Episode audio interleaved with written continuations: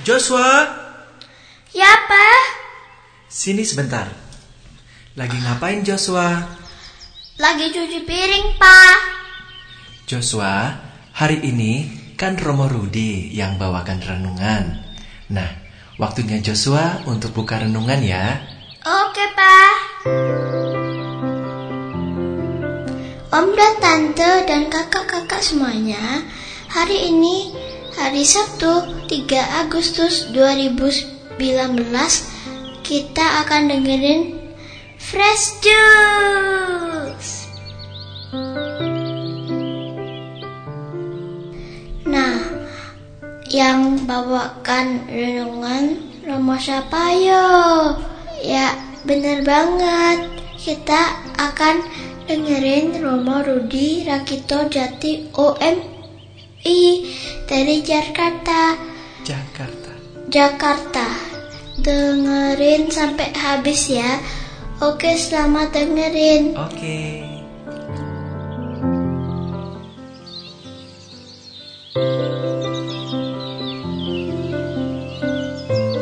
Selamat pagi para sahabat Fresius di mana pun Anda sekalian berada. Apa kabarnya hari ini? Sehat? Semoga. Hari ini 3 Agustus 2019 kita bersama akan merenungkan Sabda Tuhan dari Injil Matius bab 14 ayat 1 sampai 12. Sekali peristiwa, sampailah berita tentang Yesus kepada Herodes, raja wilayah. Maka dia berkata kepada pegawai-pegawainya, Inilah Yohanes Pembaptis.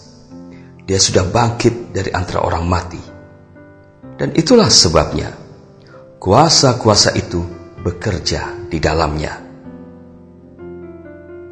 Sebab memang Herodes telah menyuruh menangkap Yohanes, membelenggu dan memenjarakannya, berhubung dengan peristiwa Herodias, istri Filipus, saudaranya.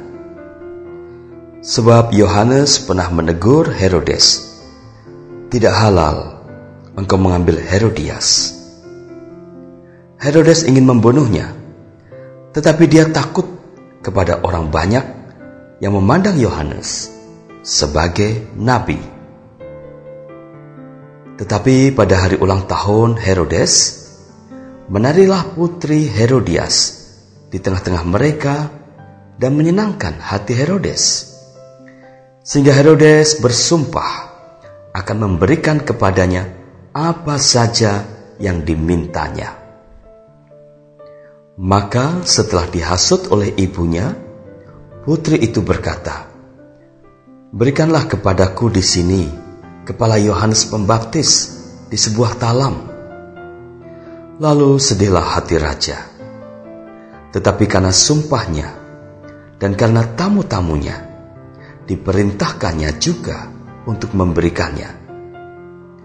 Disuruhnya orang memenggal kepala Yohanes di penjara dan membawanya di sebuah talam lalu diberikan kepada putri Herodias, dan putri Herodias membawanya kepada ibunya. Kemudian datanglah murid-murid Yohanes Pembaptis mengambil jenazah itu dan menguburkannya. Lalu pergilah mereka memberitahu Yesus. Demikianlah Injil Tuhan.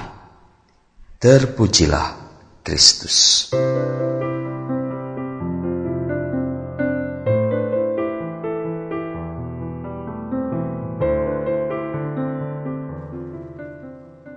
Para sahabat Fresius, salah satu pelajaran yang bisa kita petik dari kisah di dalam Injil hari ini adalah tugas orang tua itu bukan hanya mengajari anak-anaknya, khususnya selagi mereka masih usia SD atau remaja, untuk menyukakan hati orang tuanya, tetapi juga mengajarkan kepada mereka untuk meminta atau menginginkan hal-hal yang baik. Anak-anak kita menyukakan hati orang tuanya yang menjadi tolok ukurnya bukan hanya kalau nilai raport sekolah mereka bagus atau mampu mendapat ranking lima besar di kelasnya.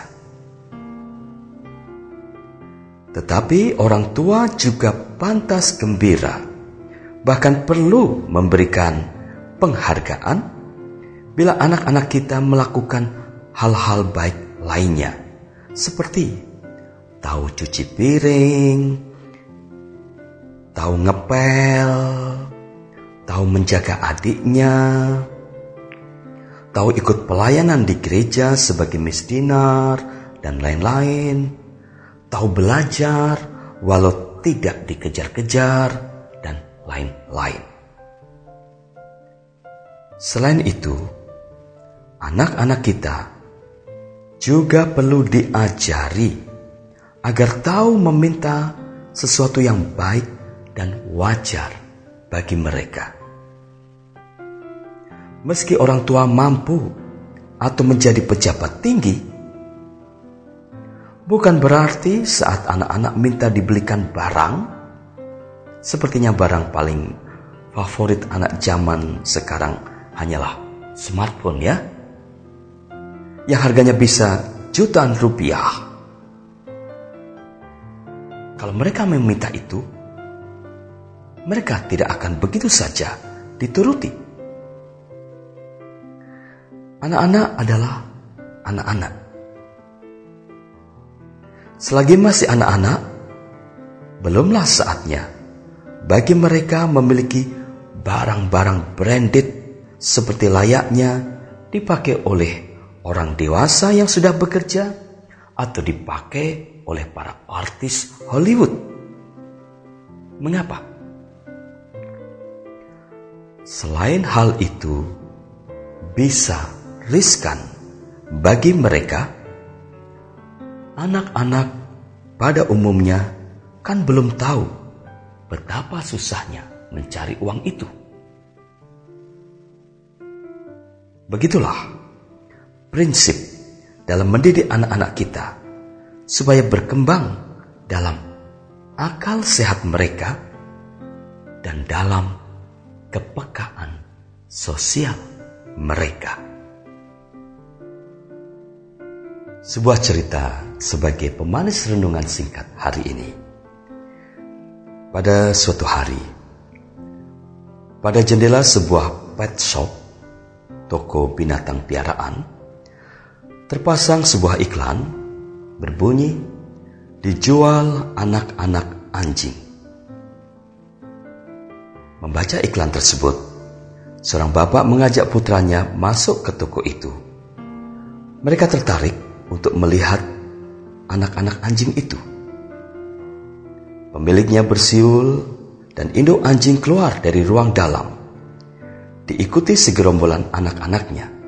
Ada lima anak anjing. Anak anjing yang kelima berjalan tersendat karena rupanya dia pincang. Melihat anak anjing yang pincang itu, putra bapak tadi bertanya kepada ayahnya. Ayah, bolehkah aku bawa anjing itu sebagai hadiah ulang tahunku? Ayahnya mengangguk setuju.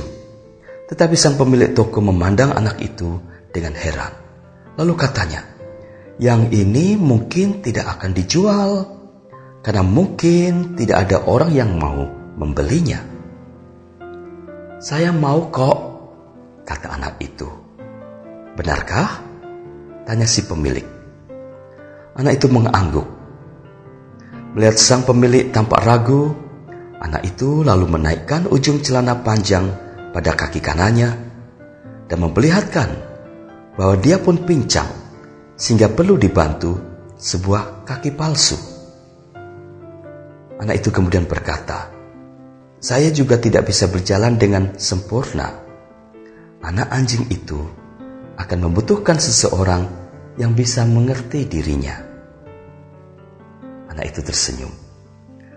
Ayahnya juga tersenyum dan menganggukkan kepalanya. Pemilik toko itu pun jadi ikut tersenyum. Dia lalu mengambil anak anjing itu dan menyerahkan kepada anak itu sambil berkata, Selamat ulang tahun ya, terimalah ini hadiah untukmu. Sampai di sini dulu perjumpaan kita hari ini. Tuhan memberkati kita sekalian. Eh, tunggu sebentar. Mohon Om Yofi Van Den Pasar itu juga ingat. Kalau pada suatu hari Natasha ajak dirimu ke pameran mobil dan mulai bilang begini, Hei pap, heran deh, kok bisa-bisanya ya? Kemarin itu si Joshua tiba-tiba bilang bahwa si mami ini lebih cocok naik sedan, bukan lagi naik jeep jadul tahun 80-an itu. Yofi, Om Yofi, itu hanya hoax. Joshua itu naik sepeda motor saja belum bisa, kok tahu-tahunya ngarani merek mobil. sampai di sini perjumpaan kita hari ini. Sungguh sampai di sini. Salam.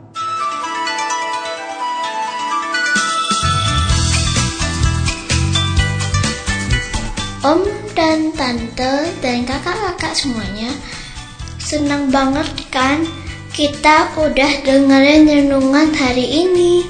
Badan segar, hati juga segar kan? Makasih banget buat Romo Rudi. Ya, Makasih banget buat Romo Rudi ya. makasih banget buat Romo Rudi ya untuk fresh juice-nya hari ini. Sampai jumpa lagi. Salam fresh juice.